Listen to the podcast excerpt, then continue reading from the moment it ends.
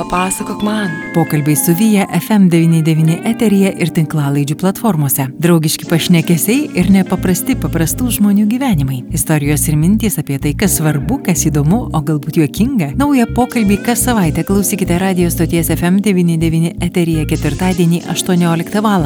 ir kartojimą šeštadienį 7 vakare bei sekmadienį 2 popiet. Taip pat ieškokite tinklalaidžių platformose. Papasakok man.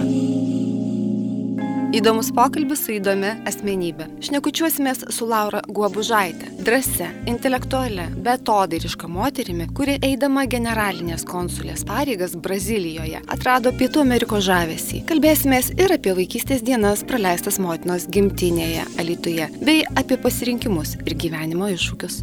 Papasakok man. Sveiki, mėlyjeji klausytojai, čia Vyja. Ir šiandien mes kalbėsime egzotišką temą apie, apie Braziliją. Ir ne vien apie tai. Mes kalbėsim apie įdomų žmogų su įdomiu žmogumi. Tai yra uh, su ypatinga moterimi Laura Guobužaitė. Man tikrai teko pabendrauti visai neseniai telefonu ir aš supratau, kokie vis tik, kokie įdomus uh, tie mūsų Lietuvo žmonės yra, kiek jie daug pasiekia ir kaip šaunu būtų, kad daugiau žmonių išgirstų apie, tiesiog išgirstų jų istorijas ir sektų jų pėdomis. Taigi, uh, Laura, laba diena. A, sveiki. Laura, labai malonu jūs šią ypatingą dieną girdėti ir, ir kaip jūs nusiteikusi, ar nėra tokio šiokio tokio virpuliuko kalbėti į eterį?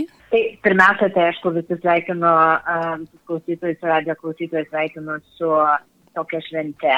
Ir taip, Vijas, iš tikrųjų, seniai jau teko kalbėti uh, per radiją ir prasme, seniai neteko bendrauti taip tokiam atviram eterija, tai, sakykim, taip yra. Yra tas dar virpuliukas, bet manau, jis turėtų dingti, kai pradėsiu pasakoti apie tą pačią Braziliją. Žinoma, bet pirmiausiai, Laura, pasikalbam, pasikalbam, tiesiog um, palaužom kai kuriuos mitus, gerai?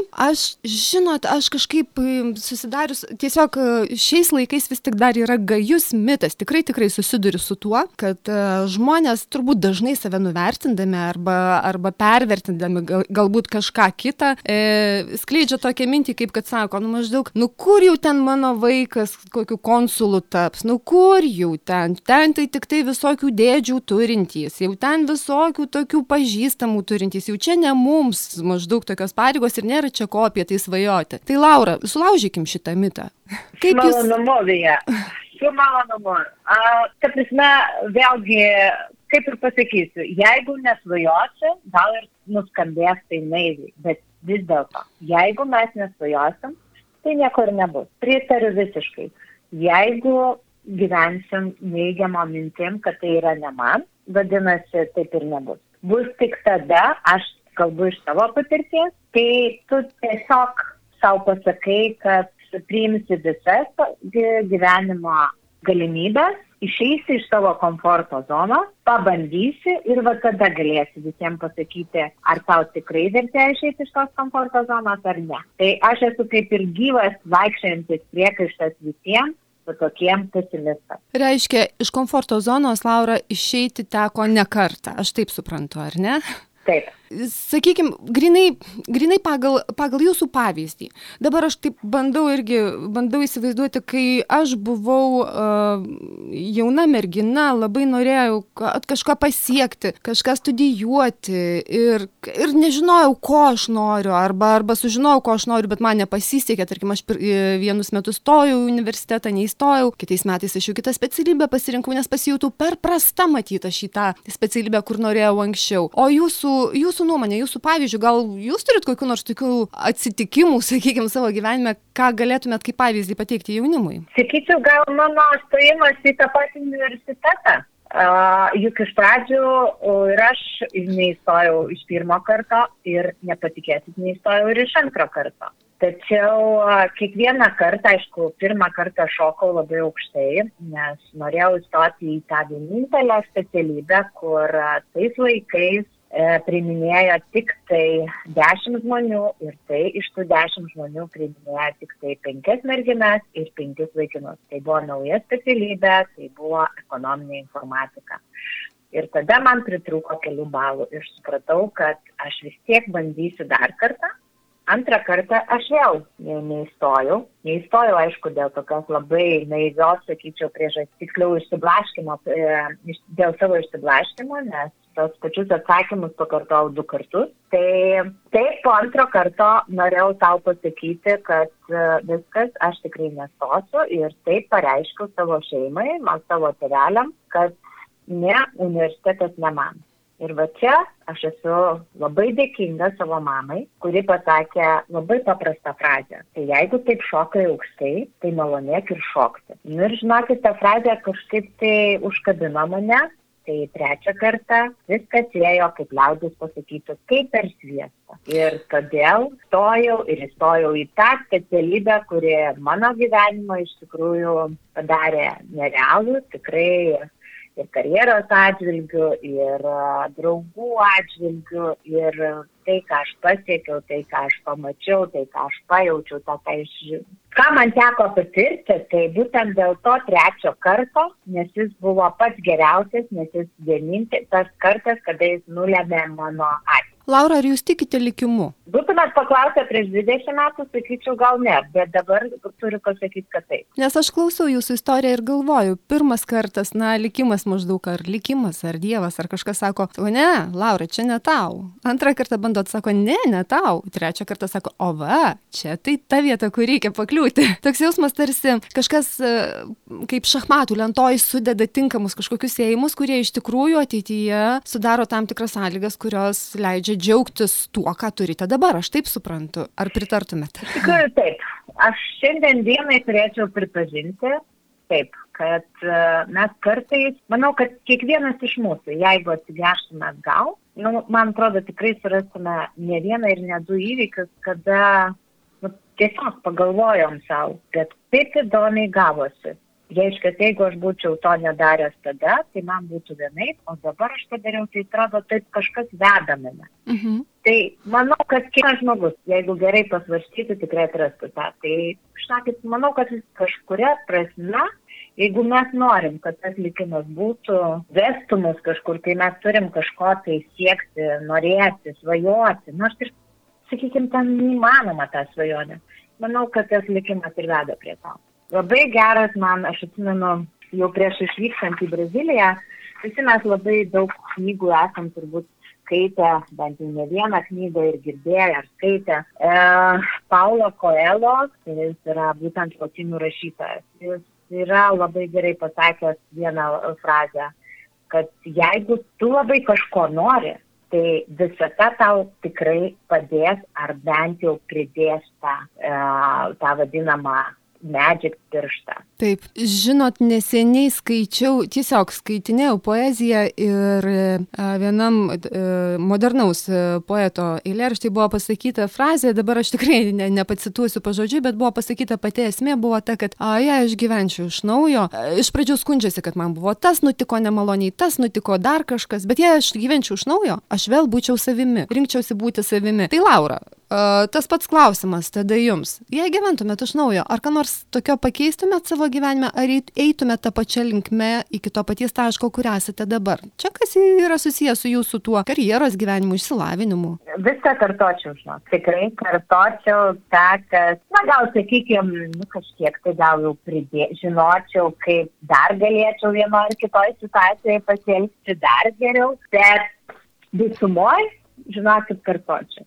Tai tikrai galima, tikrai galima sakyti, kad neteptumėt, tarkim, bet ką sakau, balerina, bet vis tik būtumėt ir eitumėt į ekonomiką, nes va, pa, išduokim klausytojams, jūs e, baigėt ekonomikos studijas, taip, įstojus į universitetą. Taip. Taip. Aš baigiau magistrą ir e, būtent, kaip ir jūs prieš tai mes juokavom. Ar yra likimas, nu, vat likimas, tai mes buvom ir pirmoji karta, kur, reiškia, ir bakalaurę turėjom, ir bakal pirmieji ir magistrą turėjom. Tai, nu, žodžiu, tai ekonomika buvo tas dalykas ir ypač į tarptautinę pakraipą, nes magistrė mes jau labai daug e, dėliojo, mokėmės ir turėjom dėstyti iš užsienio ir jau buvo mūsų pakraipa buvo daugiau į tarptautinį verslą, tai e, taip, um, tikrai balerina iš manęs nekokia, nors ir tą bandžiau, nepatikėsiu, bet ir tą bandžiau. O, pasirodo, bet... aš nešoviau visai lankas. Na ne. Ir taip, iššokti mėgstu, bet vis dėlto bendravimas užsienio šalys, nu, aš, saky, aš netgi vadinčiau save tokia, kaip pasakyti, nes visą laiką klausdavo, kai, va, aš buvau Brazilijoje, ne, sakykime, nes visą laiką klausdavo tiek vietiniai, tiek sugrįžus į Lietuvą, manęs visi klausdavo, nu, ar tau, ar tau ten gerai, ar, nu, vis tiek, išvažiavai į tokią šalį, arba, nu, nu, ar tikrai tu taip gali ten gyventi tiek laiko. Aš matyti esu tas žmogus, kuris yra daugiau kosmopolitiškas ir aš nu, galiu gyventi bet kur, nu, sakykime, bet kur. Tarsi, jeigu aš pasirinkau vieną ar kitą vietą, tai vadinasi, aš iš tos vietos turiu pasimti maksimum. Ir va tas, matyt, mano toks požiūris, tai jis man ir suteikia to spalvų tų, reiškia, gyvenimui ir va tam supratimui ir tam a, ta prasme, kaip pasakyti, ta Brazilija man, tie lotynai, nu, jie man tikrai atvertė ir požiūrį mano, ir vertybės kai kurias ne. Laura, žinot, man dabar toks klausimas kilo, beklausant, jūs pasakėt, kad aš turiu iš to pasimti iš tos valstybės ar iš tos vietos, kur esu, maksimumą. Bet ar tai negalioja ir tai atvirkščiai, ar jūs netiduodat maksimumo, lygiai taip pat būdama kažkurioje vietoje? Visi mes puikiai žinom, kad jeigu tu gyvenime tik tai imti, tai bet neduosi, tai klausimas yra, ką iš tikrųjų gal, gyvenime gali to tą, gauti tada. Nes uh, visi, jeigu jūs pažiūrėtumėt pasaulio, jeigu patirinėtumėt uh, pasaulio milijonierių, milijardierių biografijas, pradedant Varetu, baigiant Gatesais, uh, Jobsais ir taip toliau, tai pažiūrėkit, jų logika yra paprasta, kad taip, jie daug paima, bet jie daug ir duoda. Duoda tam, kad uh, išlaikyti tą gyvenimo pusiausvę, tą išlaikyti tą balansą ir gerai jausti. Tai aš manau, kad uh, tu bet kokiu atveju, jeigu tu nori daug imti, tu turėsi duoti. Ir uh, taip, aš galiu sakyti, aš bent jau visada stengiuosi išlaikyti tą balansą, nes tada man viduje yra gerai. Taip, tai yra tarsi. Vėliau toks... anksčiau, aš manau, atsisuka lase. Manau, nu, jeigu tik imsi ir imsi, nusisuks ir žmonės, nusisuks draugai ir nu, nebus taip gerai. Antra vertus, čia yra tas klausimas sažiningumo prieš save galbūt net irgi, kai tiesiog jautiesi gerai, imdamas tada, kai ir duodi, tas, tas yra svarbu. Ir kodėl aš tai paklausiau, tai yra, e, mes vėliau toliau eigoje laidos kalbėsime apie, apie jūsų darbą, tai e, būti generalinė konsulė tai nereiškia e, turėti pareigas ir nieko nedirbti, tai yra juodas darbas, kurį yra atiduodama labai daug. Ar aš teisingai suprantu? Laura. Taip, uh, kaip pasakyti, taip, tai aplamai yra, jeigu taip pasižiūrėti į diplomatinį darbą, tai vis dėlto tai darbas, kuris, jeigu tu esi užsienį ir jeigu tu atstovauji iš tavo šalį, tu jas atstovauji 24 valandas 7 dienas per savaitę, nes tu esi to šalies atstovas ir ypač jeigu tu esi vienintelis ir, sakykime, netgi vienintelis esi atstovauja šalį ir visam kontinente, tai patikėkit, tikrai, aš nesakau, kad aš ten turėjau dirbti ir taip ir dirbti, nepajaustama 24 valandas 7 dienas per savaitę, ne, bet taip, daug daug daryti, daug, gal, ta prasme, prezentuoti, gal su ta pačia lietuvių bendruomenė. Mes labai daug padarėm įdomių projektų ir tas įvedėm naujas tradicijas, kurios iki šiol. Man, man taip smagu žiūrėti po keturių metų, beveik po keturių metų, man taip smagu matyti, kad kolegos ir toliau išlaiko tas tradicijas kartu su bendruomenė. Tai, ta prasme, tas laikas paroje yra 24 valandos ir kartais taip, norisi jų daugiau, bet e, taip, kai tu esi diplomatas, tavo diena nenormuota. Laura, ar jums pasiseka uždarius darbo duris, uh, uždaryti tiesiog tos visus darbus ir visiškai nuo jų atsijungti? Gerą klausimą uždavėt. Kai kada taip, kai kada ne. Gal sakyčiau, Brazilijoje, nu, vėlgi, kaip aš jums sakau, kai tu esi diplomatas visimoje šalyje, tu vis tiek esi diplomatas ir tu esi nu, tu negali uždaryti visiškai, nes tu bet kur, net jeigu tu eini vakare, vakarieniausia, sakykime, ne, kad ir su vietiniais, ne, sakykime, turi vakarienę, va tokią neformalią, tu vis tiek atstovauji šalį. Kaip bebūtų, ar formaliai, neformalioje, ta prasme, formalioje ar neformalioje aplinkoje, tu atstovauji šalį. Tu negali leisti kai savo, sakykime, turėti vieną nuomonę dienos metu, o vakarė jau turėti kitą nuomonę. Jokių būdų. Tai gal sakyčiau, užsienį yra visada sunkiau e, tai uždaryti tas duris, kaip jūs sakot, po darbo valandų. Lietuvoje bent jau aš stengiuosi tą daryti, o, nes iš tikrųjų yra laikas ir poilsį ir nu, yra labai svarbu tas kokybiškas poilsis ir iš tikrųjų tas kokybiškas, ypač kai yra karantinas. Mes visi puikiai, nu visi mes puikiai suprantame, kad e, kai tu atsisėdi prie kompiuterio, būdamas namuose dirbdamas, tai, sakykime, tu daugiau iš tikrųjų laiko praleidi prie kompiuterio, prie bendravimo e, internetu, negu, sakykime, tai į ofisą. Tai bent jau, sakykime, taip, aš to visada siekiu atskirti darbą nuo poilsio. Tai labai labai tinkamas ir geras požiūris, bet dėja dėja tikriausiai ne visiems tai išeina ir tai yra viena iš didžiųjų turbūt šio laikinės visuomenės problemų. Bet tai dabar pakalbėkime apie tą saulėtą ir gražų kraštą. Man Brazilija yra susijusi, aš nežinau, su, su šiluma, vaisiais, emocijom, gražia muzika. Tiesiog. Karnavalo. Karnavalas, taip, ir, ir emocionalų žmonės ir taip toliau. Aš nežinau, galbūt tai čia yra tai, ką mato mato žmonės e, tokie romantizuodami šalį. Uh, Laura, ką pamatėt jūs nuvykusi į Braziliją dirbti? Pamačiau visą tai, ką jūs išvardėt, bet uh, šalia to turėčiau pasakyti, kad uh, pamačiau kitą kultūrą, kitą požiūrį, sakyčiau, į kiekvieną dieną, į Uh, vis dėlto, kai pasižiūri, e, pasižiūri reiškia, į jų žmonės, ar tai yra turtingas, ar tai yra vargšas, ar tai, ta prasme, tas pats iš lūšnynų. Kai...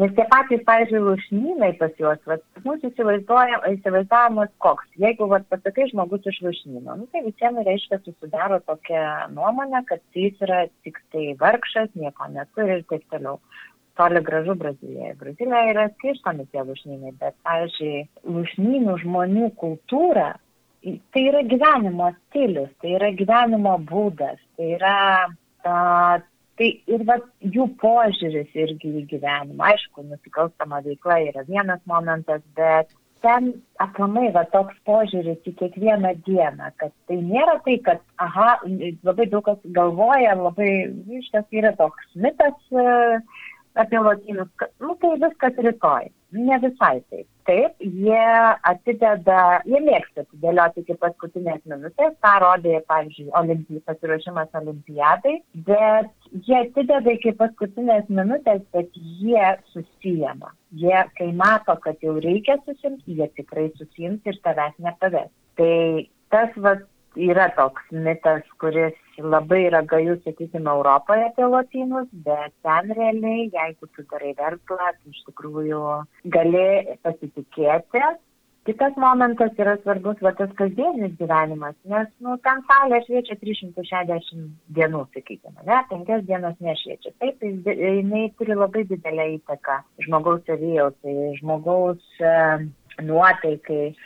Ir Taip, aš suprantu, kad dalinai pas mus tos saulės trūksta, nes e, taip mums yra sunkiau, nes e, saulės kuo mažiau, tuo mes, sakykime, labiau susiraukia, galbūt labiau tokie nusivylę, taip toliau. Bet e, man kas iš tikrųjų patiko, ko vat, visą laiką mokiausi iš jų, nesvarbu. Šiandien lyja, šiandien saulė, ar šiandien uh, ar jie yra e, statybininkas, ar yra direktorius, ar yra eilinis žmogus, kuris, nu, ar tas pats e, parko, e, ta prasme, valyto, šlavėjas. Žinokit, ta jų šypsena, tas jų kiekvieną kartą su bet nu, e, pas, pasikalbėjimas, pasiteiravimas, tas bendravimas, tas norės pabendrauti. Nu, žinokit, pirmais, e, pirmom dienom, tai man kaip šiaurėtė, aišku, buvo keista, nors mano šeimoje visą laiką mes labai atvirai visi bendraudavom, ta prasme, vienas kitą apsikabindavom, bučiuodavom, bet aš labai visada atkreipdavau dėmesį, kai tik lietuviai atvažiuoja į, į latinus visiems tas va, pirmas įspūdis, kaip galima iš karto bučiuotis, kaip galima iš karto taip atvirai viską šnekėtis, klausinėtis, tiesiog Tai, bet jiems tas yra, va, tas, tai yra taip natūraliai gaunasi, kad tu pats natūraliai net į tą įsijauti. Ir aš, va, ko nepamiršiu, tai aš jie atvažiavau į Lotynus, į Braziliją nusileidau ir galvoju, kalbos nemoku, žmonių nepažįstu, nu kažkaip prasisuksiu. Ir man toks juokas imdavo, nes kai aš važiuodavau taksiją, nesakykim, ne, tai man tiesiog to, taip atrodydavo, kad žmonės savaime būtinai, bet mane turės būtinai pakalbinti, nors jie žino, kad aš, aš jau pasakau, kad aš nemoku dar jų kalbos, tai dar labiau mane kalbins ir šipsuosis ir darys viską, kad tik tai aš kažką bent jau pasakyčiau ir nusišipsočiau. Tai Brazilija iš tikrųjų yra didelė šalis, yra turtinga šalis, yra planai Latinai, yra labai turtingi savo gamta, savo istorija, Taip, bet tai yra labai brangi šalis, palyginus, nes visiems asocijuojasi, kad Latinai yra labai pigios šalis, dėja, jau, ne, jau nebe, bet tas grožis, tos kelionės, kurias jūs galite, tą įspūdį, tą patirtį, tai, žinokit, nu, atperka šimteriopai. Man taip natūraliai dabar peršasi klausimas. Jeigu žmonės tokie taip nuoširdžiai klausinėja domisi kitu nepažįstamu žmogumi labai atvirų klausimų klausia kurie galbūt mums yra nepriimtini e, tiems kaip kaip minėjot šiauriečiams bet apie save jie irgi taip pat atvirai ir daug pasakoja ir ir ir tos, tos temos tabu, ar jos pas juos ir egzistuoja, ar, ar ne? Ar jie ir patys visiems atviri kaip knygos atverstos? Na, nu, yra, kaip ir kiek, kiek, pas kiekvieną iš mūsų asmeniškai, taip ir pas visus yra kažkokios temos kaip tabu. Na, sakykime, kaip šaliai, tai, nu, aišku, jeigu šnekama, pavyzdžiui, apie futbolą, ne? Nu tai patikėkit, jeigu jūs pasakysit, kad jūs esat už Argentiną, tai jau jūs būsit prieš. Taip, galima nutuokti. Nes, jo, nes jau Argentina ir būti už Argentiną tai yra. Jeigu tu esi San Paulė, tai aš San Paulė visą laiką turėdavau labai kaip čia pasakyti, ir paskui olimpiados metu lygiai taip pat, aš visą laiką turėdavau pirmiausia bandyti daryti, dėti visas pastangas, kad išsiaiškinti žmogus, pavyzdžiui, kokiai komandai prijaučiantis. Taip.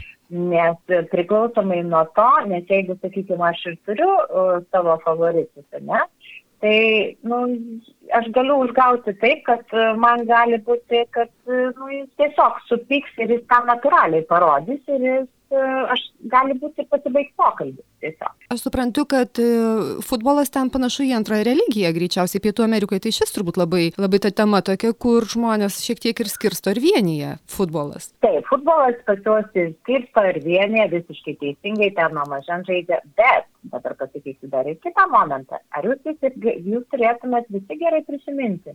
Prisi, grįžkim prie olimpiados. Rio de Janeiro olimpiada. Taip. Kas mūsų krepšinio komanda sumušė pirmą kartą? Brazilijos krepšininkai. Aš nepamiršiu, kai aš atvažiavau uh, į Braziliją ir pirmą rytą tai nusileidžiu į viešbučio, uh, reiškia, foje, foje, kad, reiškia, su, pavalgyti pusryčius. Aš negaliu patikėti. Visa salė pilna buvo krepšininkų, Brazilijos krepšininkų. Visi vyrai aukšti, visi, nu, ta prasme, krepšininkai. Ne futbolininkai, o krepšininkai. Taip. Taip, ir aš klausiu, o tai čia pas jūs, nu, čia turbūt šiaip, ne, užklydo tokia viena turit. Ne, sako, pas mus ir krepšinis labai yra populiarus. Tik jis galbūt sako daugiau šiauriai labiau. Nes sako, šiaip futbolas, taip, futbolas.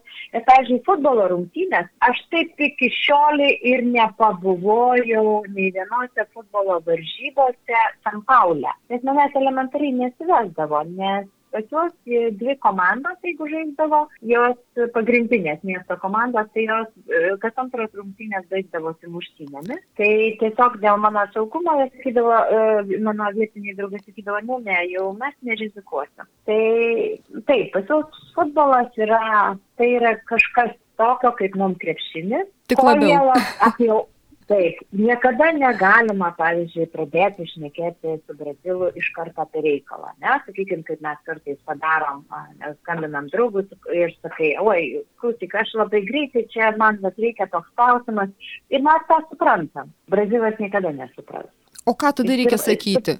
paskambinus, kas pirmiau mandagumo. Atsiklausti, taip, kaip jis laikosi, kaip mm -hmm. koks čia oras šiandien. Uh, tai prasme, pašnekėt bent jau dvi minutės išlaikyti, ta prasme, pašnekėti apie tokias bendras kažkokias temas. A, taip, politika yra va, dar viena tema ir yra, aš sakyčiau, nu jeigu nenori susipykti, tai jau tikrai niekada nekalbėk apie politiką, nes Brazilui politika paskutiniu metu, aišku, jie labai nusivylę ir ta prasme, jie iš tikrųjų daug ir maištauja, ir e, streikų organizuoja, tai e, labai daug skandalų yra buvę. Tai vad politika tai yra visiška tabu, jeigu tu nenori susipykti arba tu nenori, e, reiškia, kad apie tave susidarytų blogą nuomonę, nes tiesiog draug, labai labai atvirų draugų, ta prasme, ta prasme, pačių artimiausių draugų tarpe paprastai jie šnekasi, bet ir tai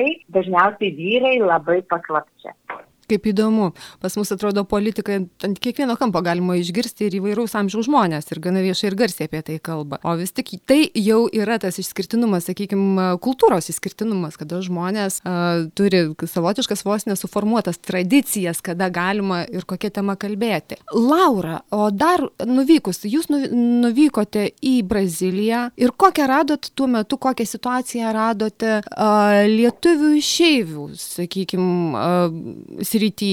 Kaip kaip jie mm, ar bendravote ar jų ten daug nes kiek aš žinau irgi iš istorijos tai a, pirmo pasaulinio karo antro pasaulinio karo tų emigrantų į braziliją buvo nemažai. Aš net žinau kad ir mano giminės kažkokie labai seni net vardų nežinočiau bet išvykę į braziliją buvo. A, tai ar buvo ar yra lietuvių bendruomenė Brazilijoje? E, yra lietuvių bendruomenė taip. Per pirmą ir antrą pasaulinio karo o, Brazilija pati, tarp kitko, pati pirmoji atvėrė imigrantam savo šalį. E, ypač, po, pavyzdžiui, po antrojo pasaulinio karo Brazilija vėlgi buvo ta, kurie atvėrė pirmoji, nes Amerika atvėrė tik e, po Braziliją. Bet per pirmą ir antrą pasaulinio karo taip, pati didžiausia banga lietuvių plaukė į Braziliją tada į Argentiną ir po Argentinos tada aišku jau pasiskirstė į Urugvajų ir kažkiek labai maža, labai nedidelė dalis, tam, sakykime, Čiliai. Bet trys pagrindinės bendruomenės yra Brazilijoje,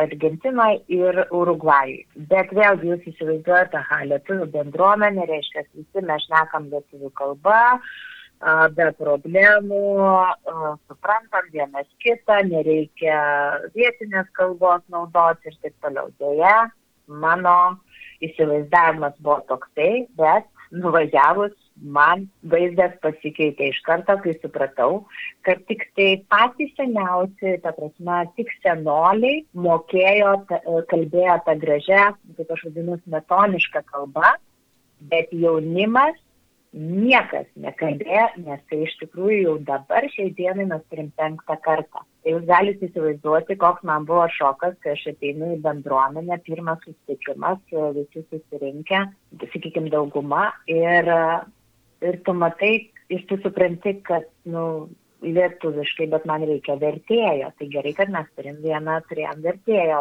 Jinai oficialiai yra užregistruota Brazilijoje, kaip e, jinai gali versti visus dokumentus lietuviškus, patvirtinti Brazilų, reiškia, valdžios atstovai patvirtina.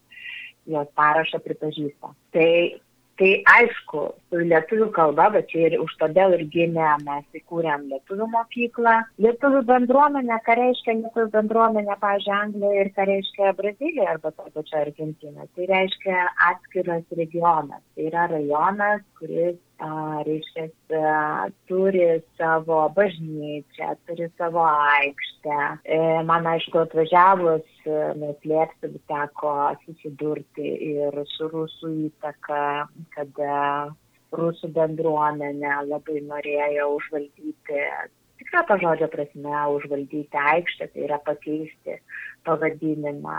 Tai buvo toks, va, sakyčiau, labai iššūkis didelis mums kaip konsulatui ir visai bendruomeniai, kad mes turim uh, ir, reiškia, dėti bendras pastangas ir kad tas pavadinimas nesikeistų, nes jie tiesiog norėjo pavadinti ją Puškino, Puškino aikštę. O siaubė. Bet mums pavyko. Taip, mums pavyko, viskas buvo tvarkoje, nes, nu, iš tikrųjų, ta, ta lietuviška dvasia ir tai, ką jie nori tą padaryti, tai yra labai stipri. Taip, o, sakykime, per pukarį, po antro pasaulinio karo buvo ta bendruomenė tikrai buvo labai stipri, nes šiai dienai iš tikrųjų niekas nežino, kiek tiksliai yra lietuva, kokio dydžio yra lietuvių bendruomenė. Jos yra tiesa ne viena, yra visos trys, bet maždaug yra skaičiuojama, kad tai yra apie maždaug 300 tūkstančių. Bet vėlgi, San Paulas yra 20 milijonų miestas jaunimas nori atsiskiria nuo, reiškia, jau to rajono, lietuvių bendruomenių, rajo, bendruomenių rajono ir jau jis nori e, laisvai gyventi kažkur kitur. Ir va, tas toks vat ir yra, kad ta bendruomenė, tas rajonas, jis jau pradeda po truputėlį mažėti ir tas išsisklaido ta bendruomenė. O anksčiau, va, būtent, kaip aš minėjau, tarp pirmo ir antro pasaulinio karo ir po antro pasaulinio karo kažkur apie iki 70 metų, jie turėjo savo mokyklas, dvi net, savo šokių nors dabar irgi yra šokių kolekcija, bet ten yra, ten būdavo labai dideli tie kolektyvai, aš kai mačiau tas istorinės visas nuotraukas. Ten, žinokit, buvo šalis šalyje, nes jie turėjo viską ir savo kepyklas, ir savo parduotuvės, bažnyčią, kunigus. Žinokit, ten buvo tokia sukurta infrastruktūra, nereali. Aišku, gaila šiai dienai, bet vėlgi šiai dienai aš žavėjausi. Aš tikrai žavėjausi, kai žmonės vis tiek nori pažinti savo šaknis, nori kalbėtis, stengtis, mokytis, domėtis. Jie net sukūrė E, reiškia, e, tokią naujienų linką, kad dalintis, kad visą laiką visi kažką žinotų, kaip kas vyksta Lietuvoje, o kodėl taip vyksta. Ir tikrai labai įdomu. Nu, tai yra tikrai bendruomenė, kuri ir jie tarp kitko labai keliaujanti e, į Lietuvą. Aš nebuvau sutikus praktiškai nei vieno, jo praktiškai nebuvo nei vieno sutikusi mūsų lietuvių šeimio, kuris nebūtų pabuvojęs arba bent jau kažkas jo šeimoje nebūtų pabuvojęs Lietuvoje. Jiems tas labai svarbu apsilankyti, todėl pilietybės klausimas jiems labai aktualu. Laura, ir dar aš atsiminiau irgi iš mūsų ankstesnio pokalbio, kai išnekučiavomės mes telefonu, aš atsiminiau, kad vis tik jūs esate tas žmogus, kurio dėka išeivyje, Brazilijos išeivyje turi lietuvių mokyklą, ar, ar aš neteisi? Taip, nes kaip ir minėjau, kaip ir sakiau anksčiau, kad, nu, aš pati susidūriau su problema, kad, nu, man reikėjo aš jeigu norėdavau su visais pabendrauti, aš reiškia turėjau išmokti brazilų, portugalų kalbą, nes kitaip, kaip jaunimas nekalbėdavo, nu taip angliškai, bet angliškai jie pakankamai irgi mažai kalba. Tai taip, už tai ir gimė. Mums daug pastangų reikia įdėti, nes rasti lietuvių kalbos mokytojus irgi supranta, kad yra taip paprasta, bet taip, įkūrėm ir dabar ta mokykla, sakykime, nėra ten šimtai tų mokinių, bet vis tiek vyksta pamokėlės ir vaikams, kiek ten yra įmanoma. Jie atvyksta ir dačioje, reiškia, tam rajone bendruomenės ir konsulate, nes konsulatas ir bendruomenė maždaug pusantros valandos kelią. Įsivaizduojat, liko penkios minutės iki mūsų laidos pabaigos, kaip greitai praėjo tas laikas. O aš... O jei, tai turiu... daug ko nepapasako apie Braziliją. Tai va būtent, ir aš galvoju, dar tų klausimų tiek daug, bet gal tada reikėtų kuo nors labai kažkokio... A, smagiu pabaigti tą mūsų pokalbį, pavyzdžiui, ar buvo kokiu nors kuriozų, kurie jums ir dabar sukelia šypseną atsiminus? Kuriozų. Mhm. Gal atvykusių lietuvių požiūris į naujai patiriamus ten e, pamatytų, sakykime, net tuos pačius elementarius e, vaisius, vaisių pasirinkimą ar dar kažką, sakykime, ar ne. Gal tų pačių vėlgi tų pačių brazilų požiūris į tuos lietuvius ir jų temperamentą, ar dar, bet gal yra kažkas tokio, kas, kas jums tiesiog buvo juokinga ir, ir tai būtent susijęs su kultūrų skirtumu?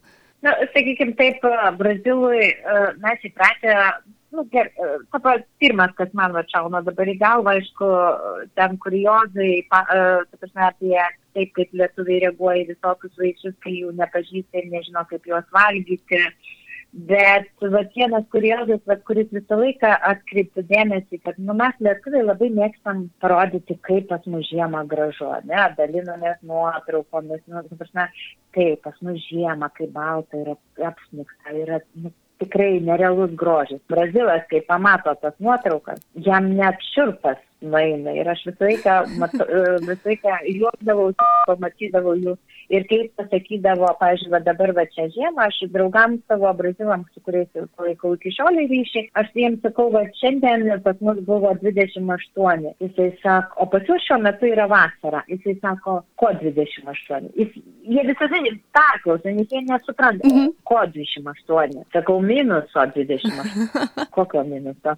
Ir jie vis tiek kiekvieną kartą aš vis stebiuosi ir visą laiką nusišypsau jis kiekvieną kartą, nu jam, jis niekaip, jau mes draugaujam, pavyzdžiui, ne, nu, tikrai va, turim tą draugystę, nu jau kokie septyni, pavyzdžiui, metai, ne, su viena, viena šeima, va, mes, pavyzdžiui, iki šiolį bendraujam. Tai, nu, bet jie iki šiolį stebisi. Ir kiekvieną kartą aš taip šypsausi, nes, nu, jiem žiema, viskas ok, bet jie... Nesuvokiama. nu, nu, nesuvokiama. Ne, tokia neįmanoma. Kada tas pats šilčiausias sezonas, šilčiausias sezonas? Liepa. Aha, sako, pas mus žiema. Bet suprantat, kad pas juos žiema, tai ką tai reiškia? Tai reiškia, nu, 26, patikėkit, kai būdavo 26, jau ir man šalta būdavo. Plus 26 yra šalčiausia Brazilijos žiema. Tai skamba labai nu, gerai ir įspūdingai. Tokiu buvo, bet taip, prie 26 jau, jau, jau žinokit, šalta. Jau reikia striukės. Nu, dar nelabai, bet jau link to. Bet, sakykime, buvo viena žiema, kai iš tikrųjų aš labai džiaugiausi ir ilgus batus, aulinukus turėdama, nes tikrai, kai buvo, buvo pirmą kartą 60 metų, uh, plus 11 ir naktį, ir dieną, tai tikrai, aišku, dėl drėgmės irgi, tai iš tikrųjų patikėkit, kalenom dantis visi. Nes mm, šildymo namuose nėra, plytelės, langai pusiau tokie stikliniai, tai įsivaizduokit, tikrai buvo nelabai jauku. Laura, aš atsiprašau, nutraukiu, nutraukiu jūs, bet mūsų laikas visiškai ištiksėjo. Ačiū labai, kad sutikote su manim pakalbėti ir papasakojot klausytojams apie savo patyrimus. Dėkui. Ačiū, iki... kad išklausėt ir ką noriu pasakyti, kad keliaukit, keliaukit, keliaukit. Ačiū Jums. Iki. Iki malonaus. Papasakok man. Pokalbiai su Vyja FM99 eteryje ir tinklalaidžių platformose. Draugiški pašnekesiai ir nepaprasti paprastų žmonių gyvenimai. Istorijos ir mintys apie tai, kas svarbu, kas įdomu, o galbūt juokinga. Naują pokalbį kas savaitę klausykite radio stoties FM99 eteryje ketvirtadienį 18 val. ir kartojimą šeštadienį 7 vakare bei sekmadienį 2 popiet. Taip pat ieškokite tinklalaidžių platformose. Papasakok man.